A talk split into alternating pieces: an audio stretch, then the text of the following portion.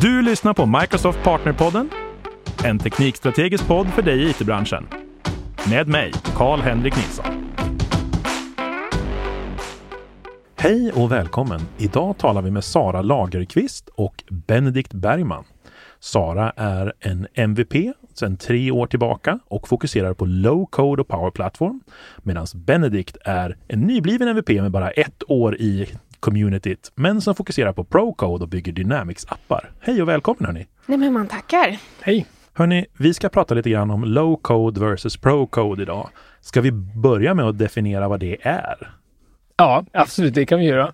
Det är lite svårt tycker jag att definiera det verkligen, men uh, low code är väl att som Microsoft säger, citizen developers, så alla kan göra. Ett lite liten uh, code snippets eller lite Excel-like uh, funktioner. Och allt utöver det, det blir väl pro-code. Ja, alltså jag skulle förenkla det ännu mer och säga att att bygga saker med kod, då behöver du kunna kodspråk som C-sharp eller SQL eller någonting åt det hållet. Men ska du bygga med no eller low code så behöver du i princip, du behöver förstå hur du ska bygga logiken, men det är mer lite så här drag and drop-aktigt. Så att vem som helst kanske inte kan göra det, men, men många fler kan göra det för att man behöver inte kunna ett språk i förväg. Jag tror att det är lite mitt problem med Power Platform-apparna som man bygger, Power Apps. Därför att jag tror att jag fastnar väldigt fort i mitt kodartänk.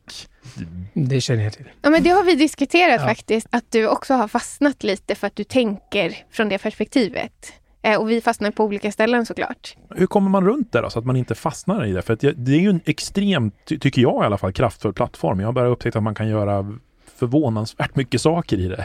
Jag måste mana mig själv hela tiden att inte direkt gå i utvecklarspåret. Men tänka, ja, men hur kan jag fixa det med low-code-delen? För att jag kan ju också fixa det med kod, typ nästan alltid. Men det vill man kanske inte göra för att det är för mycket jobb eller ja. Men i alla fall att man, man utmanar sig själv för att gå till low-code-delen när jag fastnar. Jag tror man behöver teama upp. Hela tanken med Power Platform från, från Microsofts perspektiv är ju att det ska vara en no-cliff story. Att vi pratar om att så här, oavsett vad du behöver göra så kan du både koda och inte koda eh, på plattformen. När no-koden inte räcker till så ska du ta eh, och kunna koda ganska enkelt. Så att den är mer och mer gjord för att, att vi ska vara ett team. Så att jag och Benedikt kan då bolla våra grejer så att om jag bygger eller liksom designar no-code-lösningar och så går jag till honom och säger så här, det här har jag tänkt bygga. Finns det något smidigare sätt med kod att göra det här för att jag vill jämföra mina alternativ jag har? Det kanske liksom, jag gör det överdrivet komplext för att jag använder no-code-funktionalitet. Och på samma sätt så kan han bolla med mig att okej okay, men jag hade tänkt att bygga det här med kod. Vet du någonting som, för att vi liksom får dra nytta av varandras styrkor. Ja, jag förstår. Men har vi, har vi något bra exempel på när, när det kanske är, det är bättre att bygga med low code än med pro code och tvärtom? Jag kan, jag kan faktiskt, jag vet ett exempel, men har ni något bra så kör. Ifall vi typ så här, jämför Power Automate med plugins som är så klassisk eh, kodutveckling i Dataverse mot Power Automate som är ganska ny no-low code funktionalitet där du bygger logiken. En nackdel med plugins är till exempel att den har två minuters timeout. Eh, Medan i i Power Automate så kan du loopa och hålla på ganska länge och till och med branscha och threada och göra massa olika saker. Så där kanske no-code vinner i just det scenariot. Men ska du köra väldigt tunga grejer så kanske du hellre vill koda i det. Så det, det beror så himla mycket på scenariot. Ja, jag tror det är som du säger att um, det beror lite på hur komplex blir beräkning eller mm. grejen som man vill göra. För då är det ju ibland enklare att ha det i en code än att ha massor steg i en Power Automate Flow som är ifs och else och så vidare. Ja, jag tänker också jag. att man, man får kolla liksom, vad, vad skapar minst komplexitet. Ja. Ett jättelångt flow på 20 action kanske är fyra rader kod. Mm. Men det kan också vara tvärtom. Medan för att göra samma sak som jag kan göra med fyra actions i ett flow så är det typ hur mycket kod som helst. Så det gäller hela tiden att ha hela plattformen i åtanke och välja det som lämpar sig bäst för det scenariot. Ja, det där, jag tycker det är jättespännande. Jag råkade på det där själv häromdagen. Vi skulle mm, ta emot tre stycken filer ifrån något API som uppdaterades till någon Dynamics-lösning.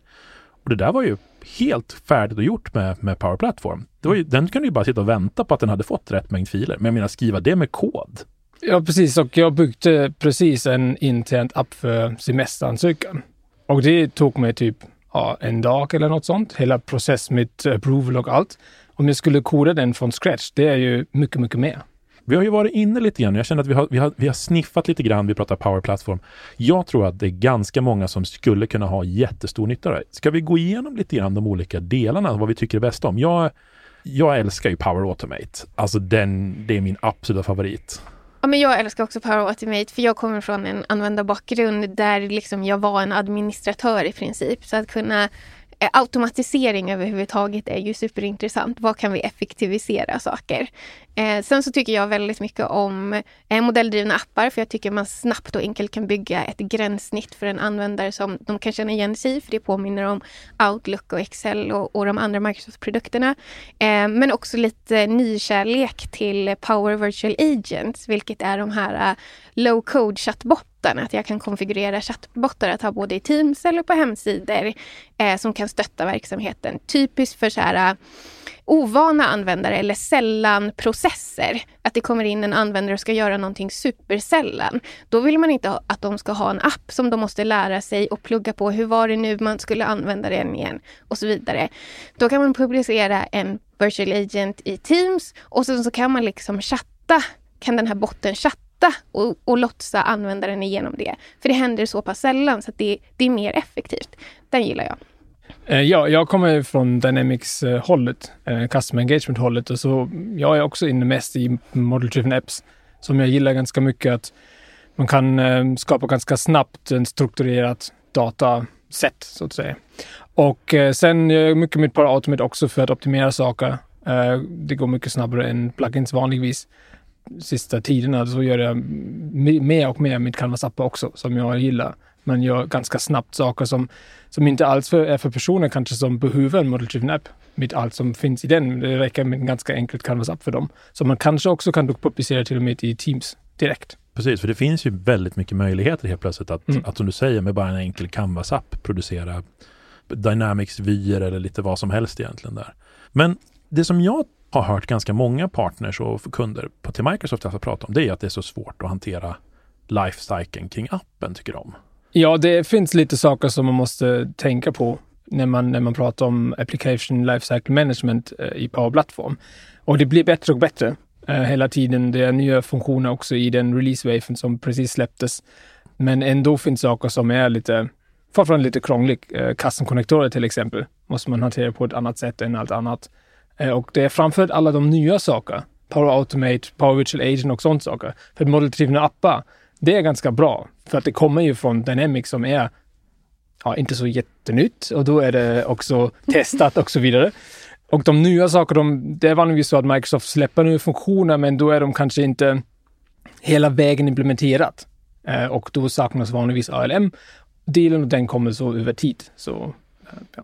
Mm, jag håller med. Det är mycket som finns att jobba på. Särskilt om man inte är då kommer från en, en teknisk bakgrund och förstår all, alla, allt som ska hända i bakgrunden. Eh, det finns verktyg som gör det lättare eh, som har kommit och förbättrat det för, för även sådana som jag. Men, men just nu så är ALM väldigt komplext och väldigt mycket att hålla koll på. Det finns undantag för de flesta olika. Du måste veta lite att det är för olika produkter så gäller olika ALM även om du tycker att det är en och samma app. Och beroende på vart du vill publicera den är det olika. Det är olika ALM om du ska göra de här sakerna som är inbyggda i Teams som har med Power Platform att göra eller om de ska vara separata. Det, det blir fort komplext. Det blir det, tyvärr. Ja. Jag vet att jag lyssnat på någon som pratar om det här så att man måste börja tänka på ALM redan från början eh, om man ska få det här att funka liksom, på, på ett bra sätt. Men det, när man börjar titta på det, det är det som säger att det, det, är inte allt som finns med där. Nej, men det är fortfarande sant. För att om du till exempel börjar bygga ett Power Automate Flow utanför en lösning eh, som du sen vill lägga in i en lösning så har inte det skapats med rätt förutsättningar för att kunna deployas enligt en bra ALM sedan. Så att du behöver när du skapar saker ha koll mm. på vad du håller på med, tyvärr. För, för nu kommer jag egentligen, vi pratade lite grann om det här innan vi började spela in den här podden lite grann. Att det här är, det är så viktigt att, att planera sin low-code-app, att hur, man designar den först liksom. Mm. Hur tänker ni där liksom? Hur, hur, när ni ska göra en, en app, så här, hur, börjar ni, hur börjar ni tänka på den för att det ska bli bra? Brukar du rita upp eh, processer, nuläget, eh, målläget eh, och fånga kraven på dem och försöka designa ut efter det och försöka fånga det övergripande så mycket jag kan. Eh, sen så har jag ett frågebatteri som jag ställer mig beroende på vilken typ av affärslogik jag behöver bygga. Okej, okay, men vilken typ av interface behöver vi i det här läget? Är det, är det sällananvändare eller är det ofta användare? Kommer det spanna över flera tabeller? Behöver du omedelbar logik? Behöver du flexibel? Det, det, finns liksom, jag har hela de där frågorna som jag ställer mig själv innan jag väljer en lösning. Sen så är det ju så att plattformen är så stor idag. Så att det går inte att ha koll på alla delar och ta och vara medveten om alla möjligheter som finns i plattformen när man designar. Så jag tror att återigen en av de viktigaste grejerna är att teama ihop sig. Så att jag tar mitt krav, mina problem, presenterar en, två, tre lösningar för en kollega och så diskuterar vi saker. Någon som har ett annat perspektiv än jag, typiskt Benedikt. okej, okay, men hur skulle du lösa det här på något annat sätt? Nej men det där lät ju smidigt. Eller har du tänkt på AI-bilder? Den kanske kan automatisera jättemycket åt dig. Ja men smart, den har jag inte tagit med i beräkningen. Bra, då kollar jag på den. Eh, så att ja, teama upp sig och diskutera. Ganska viktigt i början är också vilken, eh, vilken data source har man. Eh, vi hörde precis att ja, egentligen vill vi gå till en uh, data for Teams, men de har någon on-premise SQL. Då funkar det inte för en, en premium connector, så sånt saker är ganska viktig i början också för att precis när man går till Database for Teams um, så att man inte bygger in sig i något hörn som man sen inte kan komma ifrån uh, och måste skapa om allt. Sånt saker måste man titta på också. Ja, det är ju en växande produkt som mm. får nya stöd hela tiden. Jag vet inte om den här on-premise gatewayen för SQL finns och så vidare. Så det är ju mycket sådana där grejer man måste ta hänsyn till. Mm.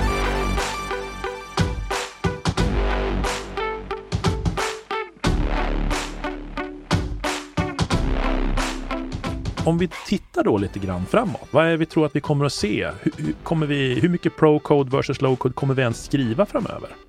Vi pratar ju mycket om att det Microsoft pratade om här, vad var det i höstas eller till och med våren innan, eh, natural language mm. coding. Mm.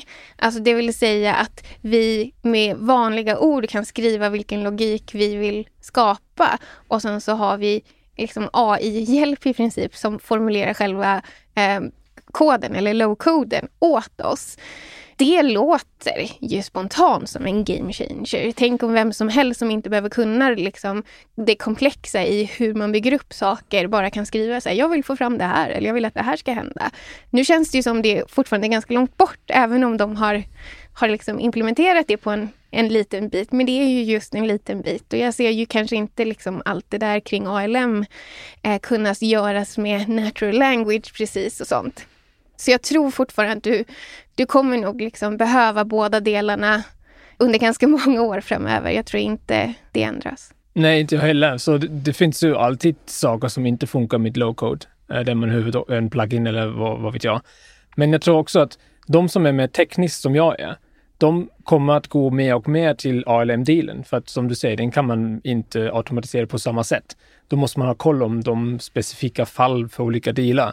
Eh, och jag tror att mer och mer delar kommer att bli low-code uh, och sen går man över till, men vi styr de personer som gör det, governance och ALM-sidan när man är lite mer teknisk jag enablar dem som inte är så tekniskt att skapa deras appar som de behöver. Men jag tycker vi redan vi går åt det hållet med ja. det som heter PCF till exempel. Vilket är en kodkomponent som är återanvändningsbar i princip. Så att vi kan ha att Benedikt liksom kodar en komponent som sådana som jag kan använda, inte bara för en kund, för den är inte specifik, utan i många olika scenarion. Eh, och jag tror vi går lite mer åt det här komponenthållet när det gäller kod och inte kod. Att så här, det är det utvecklarna kommer fokusera mest på, att hjälpa till att bygga de här legobitarna. Eh, och sen så kommer det vara en annan roll som sätter ihop legobitarna. Och i samma riktning går också custom-konnektorer eller certifierade konnektorer. Då kommer man skapa bara en wrapper runt sin egen API och någon som inte är teknisk kan bara återanvända den och anropa samma API för att integrera till något internt system eller vad det nu är. Ja, vi ser ju det där, tycker jag i alla fall nu ute, ute hos ISV-företag och sådana saker, mm. att, att istället för att de skriver custom implementationer av sin kod, till exempel för sin app, så, så publicerar man en custom connector mot sitt, sitt Open API definition. Och sen kan kunden bygga vilken integration de vill. Precis. Ja, vi skickade precis in en connector för certifiering till någon tredje part och kommer att bygga en eh, lösning på toppen av den. Men själva connectorn, det kan alla använda för att de är bara tillgängliga till alla. Jag tycker det är jättecoolt. Det öppnar ju upp så himla mycket Eh, möjligheter för sådana som inte är så tekniska att få liksom nyttja alla de här godbitarna som, som var otillgängliga förut. När jag började med plattformen så fanns det liksom väldigt begränsade eh, no-code-verktyg och jag gladde mig åt dem, absolut. Men liksom dit vi är på väg så det finns ju mer och mer som jag kan göra hela tiden och som jag kan dra nytta av. Så nu när jag liksom går bet då det finns något jag inte kan lösa själv, nu är det mer en frustration än en, en regel att det finns saker jag inte kan lösa. Och det tycker jag är jättekult. Det är ganska lätt att komma igång med Power Platform överlag. Har ni några så här, om vi tänker att vi, de får, vi, vi brukar alltid försöka skicka med så här lite inspiration till de som lyssnar och så där. Om det är någon som nu blir, så här, men shit, jag kanske kan bygga en app eller jag kanske kan göra någonting. Har ni någon sån här liten inspirationsgrej som folk, som ni tycker det här kan de flesta företag ha nytta av? Som de skulle kunna börja titta på och bygga? Jag tror att man ska kolla på saker ur sitt eget perspektiv och liksom inte för sitt eget företag. Alltså vad skulle underlätta min vardag? Eh, något sätt som kanske sparar undan mina anteckningar automatiskt i min OneNote på rätt ställe. Eller något sånt. Använd plattformen till det och börja leka med det. Kolla på de här gratismaterialen som finns, App in a Day. Gå den eller eh, kolla på det materialet som du, du då kan använda för den och testa och bygga dina egna grejer. Ja, det finns ju alltid saker som inte är så smidigt som man kanske vill ha det i processen i ett företag. Till exempel en semesterapp där man bara ansöker och sen finns en approval-process och eh, det sparas automatiskt i någon kalender och eh, skickar invites till kollegor eller vad, vad man vill göra. Så att man optimerar de processerna som man själv ser att de inte är de bästa kanske. Jag tror det är det lättaste sättet att motivera någon att bygga en app också. Så här, att ha någonting som är lite frustrerande eller tar mig tid i vardagen eller blir, liksom, blir jobbigt. Eh, det tar jättelång tid innan jag får respons från den här personen för att det, det hamnar långt ner i deras mejlkorg. Men kanske skicka i en chatt ett adoptivt card i Teams istället. Vad, vad har vi liksom för alternativ? Mm. Sådana saker tror jag man ska kolla på då jag tycker det är jättebra att du tar upp det där också. För just de här adaptiva korten som vi kan köra i Teams, jag tycker de underlättar så otroligt mycket när man har ett power-ups-flöde. För att istället för att jag ska skriva ett kommando, jag ska ta ett beslut, skriva ett svar, då får jag de, de beslut jag kan ta. Mm. Ja, nej, imorgon. Jag tycker det underlättar väldigt mycket för mig när jag, när jag verkligen får mina möjliga val framför mig. Mm, jag, jag älskar dem. Men det är också det här som gör det lite svårt med Power Platform för att det liksom börjar inkräkta på de här andra områdena. Och förutom att plattformen i sig då blir större och större så börjar vi prata om så här, men det har ju ganska mycket med Teams och Outlook och Office att göra. Och, och det blir bara större och större och man får inte glömma att man behöver inkludera de andra bitarna när man när man bygger applikationer och processer. Att så här, det, det, kan ju faktiskt sträcka sig mellan Teams till det här applikationssystemet som man bygger till Outlook och så vidare. Jag hörde någon beskriva eh, low code som limmet mellan alla olika produkter som inte bara som Microsoft har, för det går ju att integrera mot vad är det, 370 eller vad det nu är för någonting. Många. 600 plus konnektorer har vi just nu. Ja, det är jättemånga. Det var länge sedan jag kollade den statistiken. Hörni, vi ska börja runda av lite grann. Vad är ni jobbar på just nu som ni bygger? Som, är det någonting ni kan dela med er av? Jag har ganska roliga uppdrag just nu där jag faktiskt mer stöttar stöttar kunder i att de själva bygger appar. Eh, så jag har mycket diskussioner där eh, vi pratar om designval och vad man ska tänka på och sådana saker och få vara med och hjälpa dem bygga eh, sina första. Kan vi, kan vi få tre snabba som man ska tänka på när man bygger sin första app? Tänk välj det enklaste alternativet först om det finns. Liksom. Canvas app liksom, istället för, innan Model First. En model-driven app före Canvas skulle jag alltid välja till exempel för att det är förbyggt. Jag stannar där. Vi börjar med det tipset. det är ett bra tips. Det är ett bra tips. Hörni, jag ska inte plåga er mer, men det var otroligt stort tack för att ni tog er hit och pratade lite low code. Jag ska lägga med lite länkar så här till appen day för de som vill, de vill kolla in på det här. Ja, men kanon. Jag vet att vi även pratade om lite andra toolkits som jag ska lägga med här. Vad heter den? Eh, Center of Excellence? Ja, Center of Excellence Starter Kit från Microsoft. Precis, för det är väl liksom grunderna för ALM och hela den, den grejen så att säga. Ja, så att man har koll om vilka appar och flows finns och körs de eller um, har de något fel och sånt saker. Jättestort tack för att ni tog er tid. Tack för att du fick komma. Du har lyssnat på Microsoft Partnerpodden med mig, Karl-Henrik Nilsson. Som vanligt hittar du information och resurser på aka.ms partnerpodden.